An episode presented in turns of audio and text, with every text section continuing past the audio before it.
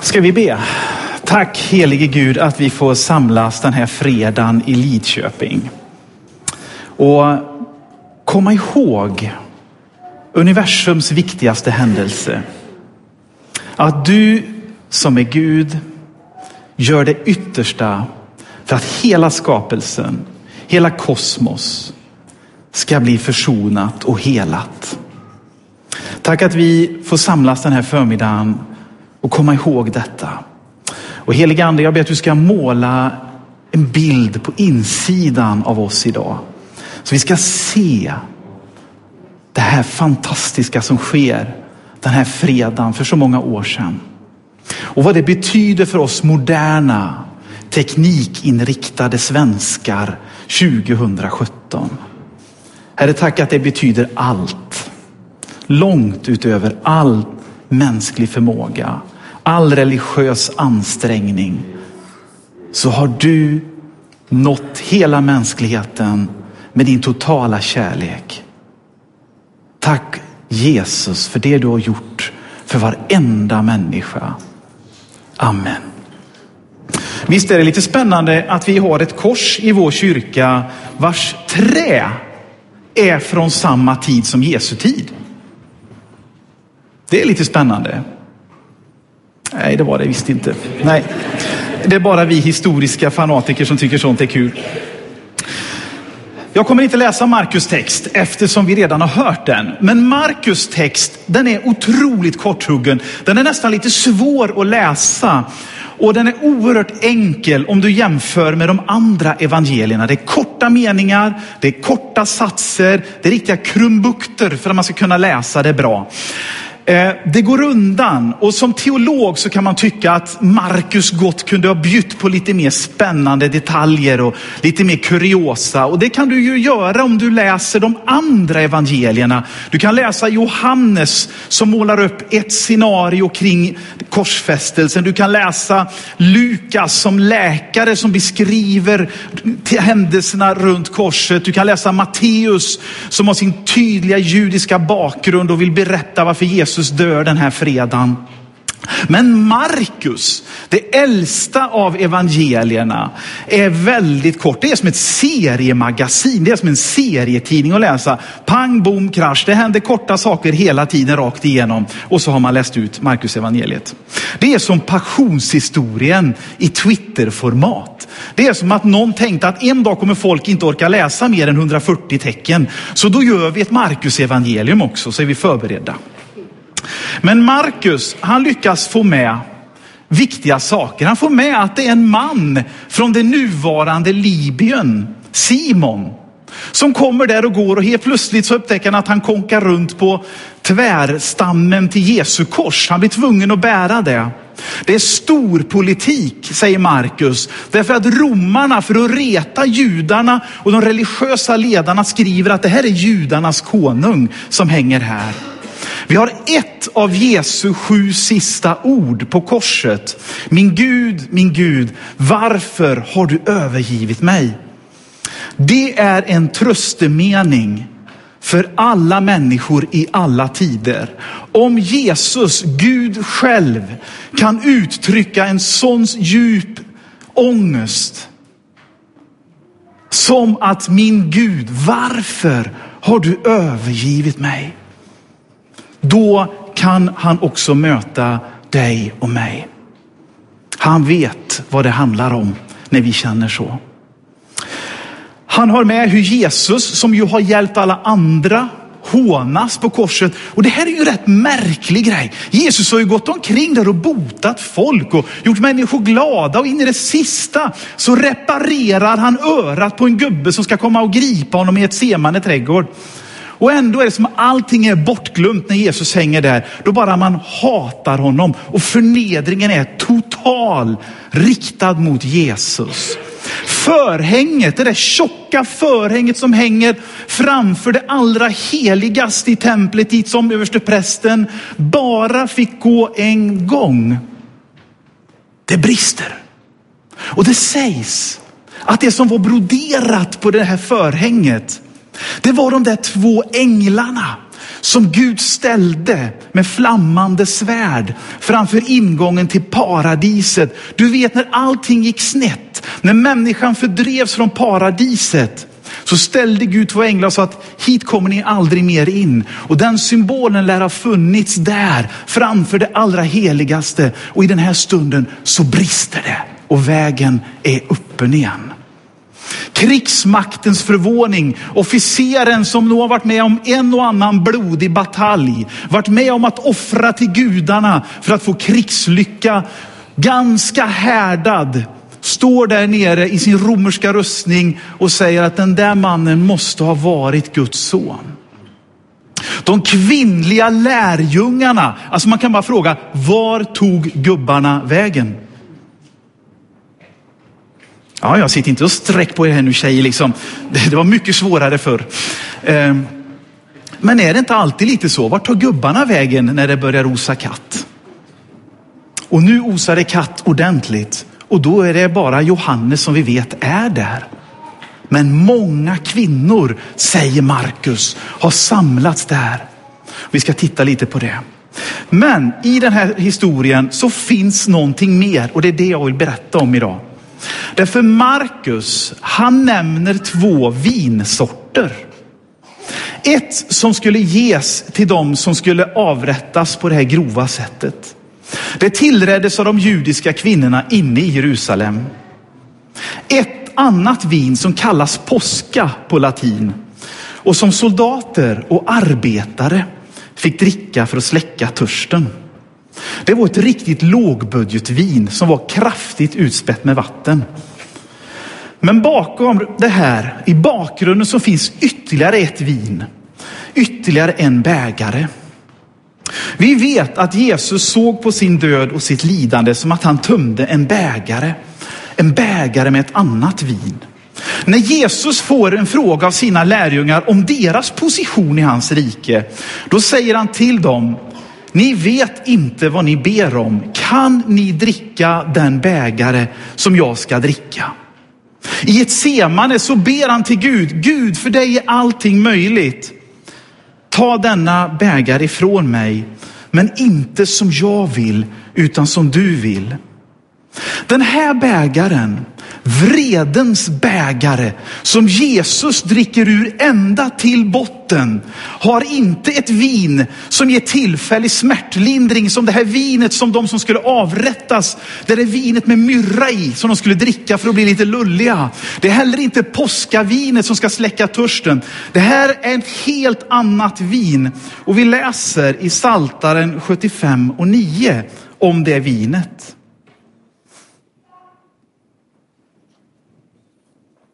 Herren har i sin hand en bägare med jäsande kryddat vin. Han räcker den åt var och en. Alla gudlösa i landet måste dricka. Också dräggen måste de svälja. Alltså det sista bottensatsen, det äckliga klägget måste man dricka. Så är vredens bägare ordnad. Vredens bägare är ett uttryck som finns i Bibeln som uttrycker Guds dom eller någons öde. Kanske handlar det om resultatet av mänsklighetens val att gå sin egen väg och välja bort Gud. Bägaren, den som jäser och bubblar av den här häxbrygden, det är konsekvenserna av människans synd. Och de konsekvenserna de ser vi i Syrien idag. De ser vi över världen idag. De finns överallt. Konsekvensen av att vi har sagt till Gud att vi klarar oss jättebra utan dig. Vi kan hantera kunskapen själva. Den fyller på en bägare som jäser och bubblar av syndens konsekvens. Och det är den bägaren Jesus nu vet när han står i ett semane trädgård. Det är den han måste dricka till botten. Och lärjungarna begriper ingenting. Jajamän, vi kan också dricka den, säger de. Ni kommer att få smaka på den, säger Jesus. Vi går till Jesaja 51. Vers 17. Vakna, vakna, res dig Jerusalem, du som ur Herrens hand fått hans vredes bägare att dricka. Du som måste tumma kalken i botten, bägaren som får dig att ragla. Vers 22. Men så kommer en vändning här, lyssna. Så säger Herren din härskare, Herren din Gud som kämpar för sitt folk. Bägaren som får dig att ragla tar jag nu ur din hand. Kalken, min vredes bägare, skall du inte mer dricka. Okej, okay. här lovas ett skifte av bägare i Jesaja. För vi kan konstatera väldigt kallt i det som vi kallar ondskans problematik, teodicé-problemet. Hur kan det finnas en allsmäktig pantokrator, en allsmäktig Gud som är god och samtidigt så mycket ondska? Jo, därför att det finns en konsekvens av vår fria vilja hela tiden. Och det är vredens bägare, den syndens bägare som bubblar över av vår ovilja att följa Gud. Men här lovar Gud att du ska inte behöva dricka ur den mer. Någon annan ska dricka upp det och du ska få en annan bägare. Det utlovas ett byte av bägare. I Lukas 22 kapitel, den 20 versen, ni vet, där instiftar Jesus nattvarden. Det är ju innan Getsemane, det är ju innan påsken. Och då säger han, denna bägare som han håller upp är det nya förbundet genom mitt blod som blir utgjutet för er. Hör ni ekot ifrån Jesaja? Bytet av bägare. Nu sitter Jesus där och för första gången i världshistorien så säger Gud själv, den här bägaren, det är den nya bägaren med mitt förbundsblod i. Och han säger i Matteus 26 och 27, han tog en bägare och efter att ha tackat Gud gav han den åt dem och sa, drick av den alla. Detta är mitt blod, förbundsblodet som blir utgjutet för många till syndernas förlåtelse. Så vredens bägare innehåller konsekvenserna av synden. Välsignelsens bägare innehåller konsekvenserna av nåden. Det sker ett byte. Du och jag, vi var ödesbestämda till att tumma vredeskalken. Men den här skärtorsdagen, då säger Jesus, nu är det dags. Nu är tiden inne, nu sker bytet. Jag tar vredeskalken, ni tar välsignelsens bägare.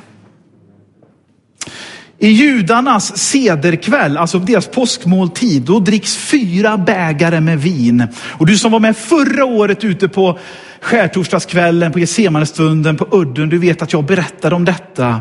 Att den tredje bägaren som Jesus håller upp, det är när han instiftar nattvarden, den kallas av judarna för välsignelsens bägare. Den heter så. Det är därför Paulus säger i första Korintierbrevet 10 och 16. Välsignelsens bägare som vi välsignar ger den oss inte gemenskap med Kristi blod. Här sker följande tror jag. Jesus han visar på en ny bägare som inte är vrede utan nåd. Innan sin korsfästelse. För oss så återstår nu bara välsignelsens bägare. Jesus han erbjuds både smärtdämpning och törstsläckning inför sin död och sitt lidande. Och det är så vi många gånger försöker att hantera konsekvenserna. Att dämpa ner. Men han tömmer vredesbägaren till botten. I det nya förbundet, som för alltid kommer att vara fastställt genom Jesu blod på korset, kan alla människor lämna vredens bägare och dricka av det nya förbundets vin. Och detta är vad vi ständigt påminns om när vi firar nattvard i den kristna kyrkan. Varje gång du går fram för att ta emot vinet och brödet så påminns du, det är därför jag tjatar om det här. Du behöver inte känna någonting när du firar nattvard. Du bärs av själva nattvardsordningen rakt in i nåden. För när du tar del av vinet i nattvarden, då är det detsamma som att du säger, jag accepterar välsignelsens bägare som bygger av på nåd istället för mina gärningar och mina mina känslor och vredens bägare, den har Jesus tagit ifrån mig.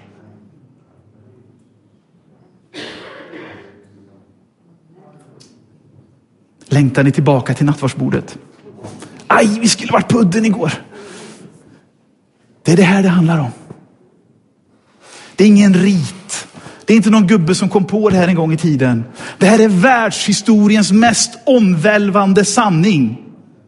Att syndens lön har Jesus tagit. Dödens makt är bruten och vägen hem till Gud är öppen. Därför han har skiftat bägarna och sagt, jag dricker den till botten. Du blir välsignelse från Gud. Detta gäller inte speciellt religiöst intresserade människor. Detta gäller en hel värld med sju miljarder invånare. Och finns det nu, som NASA har lovat att avslöja idag tror jag, en vattenplanet med liv, då gäller det för dem också. Det finns ingen annan Gud. Det finns ingen annan frälsare. Det finns bara en bägare som har hållits upp en gång i världshistorien.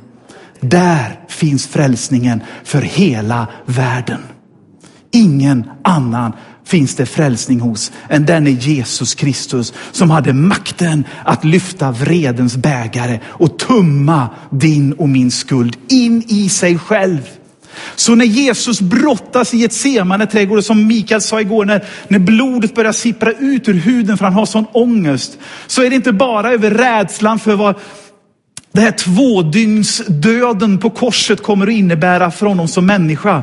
Utan det är också allt det som mänsklighetens djävulskap kan samla ihop under hela vår existens på den här planeten Tellus. Det är det trycket som ligger över hans axlar i den stunden. Det finns ingenting annat som leder till denna frälsning än att du och jag väljer att dricka ur välsignelsens bägare. Till sist, för en person blev detta konkret verklighet den här dagen då Jesus drack vredesbägaren ur botten. Han hette Barabbas. En man som antagligen hade begått både mord och uppvigling och som nu skulle få dö för sitt brott. Han som verkligen hade en vredesbägare att tömma. Han hade fyllt den med konsekvenserna av sitt förmodade mord och upplopp. Han var tagligen helt inställd på avrättningens grymhet. Han hörde ryktas om att, du vet att när de första spikarna tränger in, va? alltså då gör det ont. Alltså. Sen känner man inte riktigt lika mycket. Kanske tänkte han på, ska bedövningen funka? Det där vinet som de judiska kvinnorna gör i ordning, kommer jag att känna någonting nu? Törsten. Jag har hört om törsten på korset. Hur svårt det börjar bli att andas och hur törstig man blir. Kommer, det, kommer jag att få dricka av det där påskavinet, det där billiga, så att jag också får släcka min törst? Barabbas väg har nått sin ände, nu är det slut. Han vet att romarna inte slarvar i sitt hantverk när de ska avrätta någon. Kanske tänker han över sitt liv så här, vad var det som gick snett? Eller så tänker Barabbas, nej det gick inte alls snett, det var bara synd att jag åkte fast. Jag vill fortsätta att kriga för Israels befrielse. Jag vill fortsätta att göra upplopp och, och se till att vi blir befriade här i Israel. Kanske går ryktena om tumulten i Jerusalem ända in i fängelsecellen. Och fängelse på den här tiden, det var inget straff. Det var en förvaring till dess att straffet skulle fullbordas. Så här sitter massa människor och väntar på att romarna ska göra sin del av jobbet. Och kanske hör han att där ute, vet du, där är det full kalabalik nu. Är han den där Jesus, vet du? Han som botade din svärmor eller din, din kusins halvsyster. Kommer du ihåg det? Är helt halabaloo där ute just nu. Ja, Okej, okay, tänker Barabbas, vad spelar det för roll för mig? Frågan är om jag hinner dö innan påsken eller efter.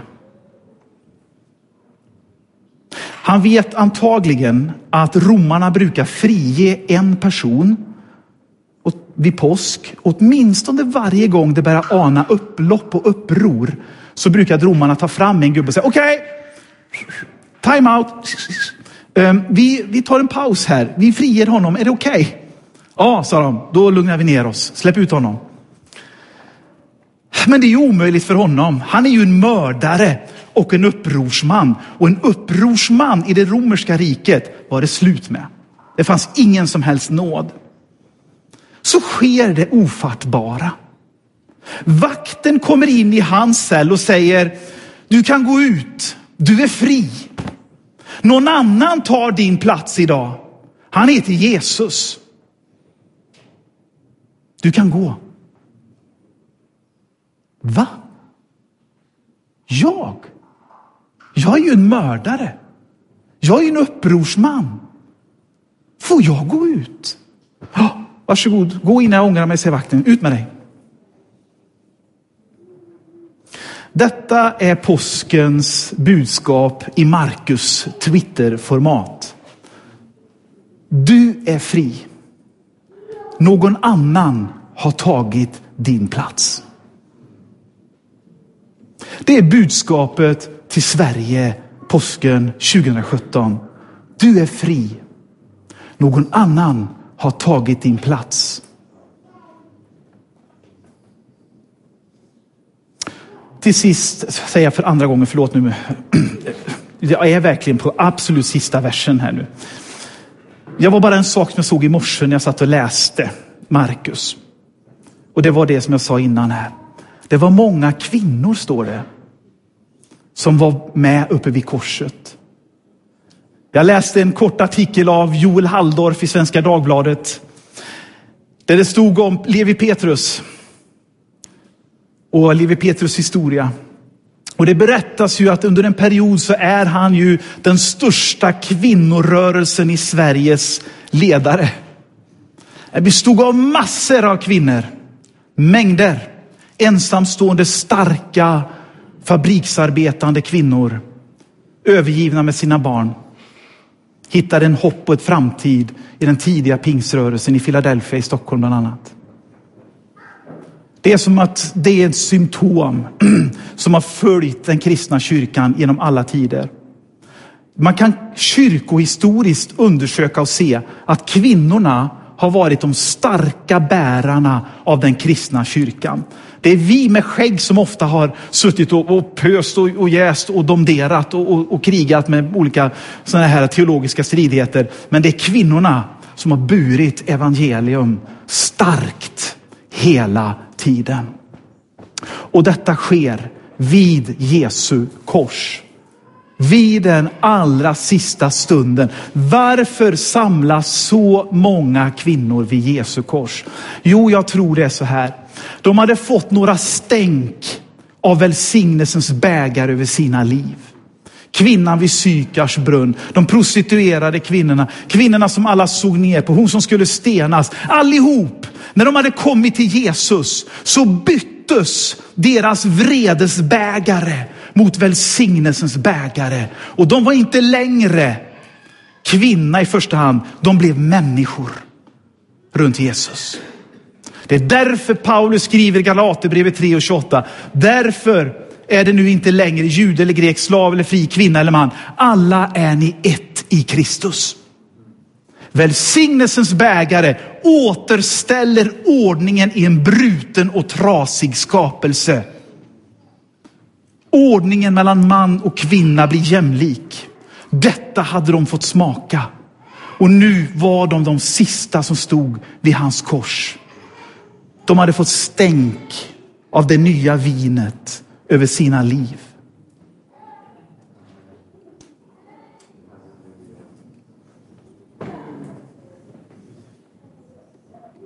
För dig och mig och alla människor återstår nu bara nåd, nåd och åter nåd. Bägaren är utbytt. Du och jag får dricka ur välsignelsens bägare med djupa klunkar den här långfredagen 2017. Amen.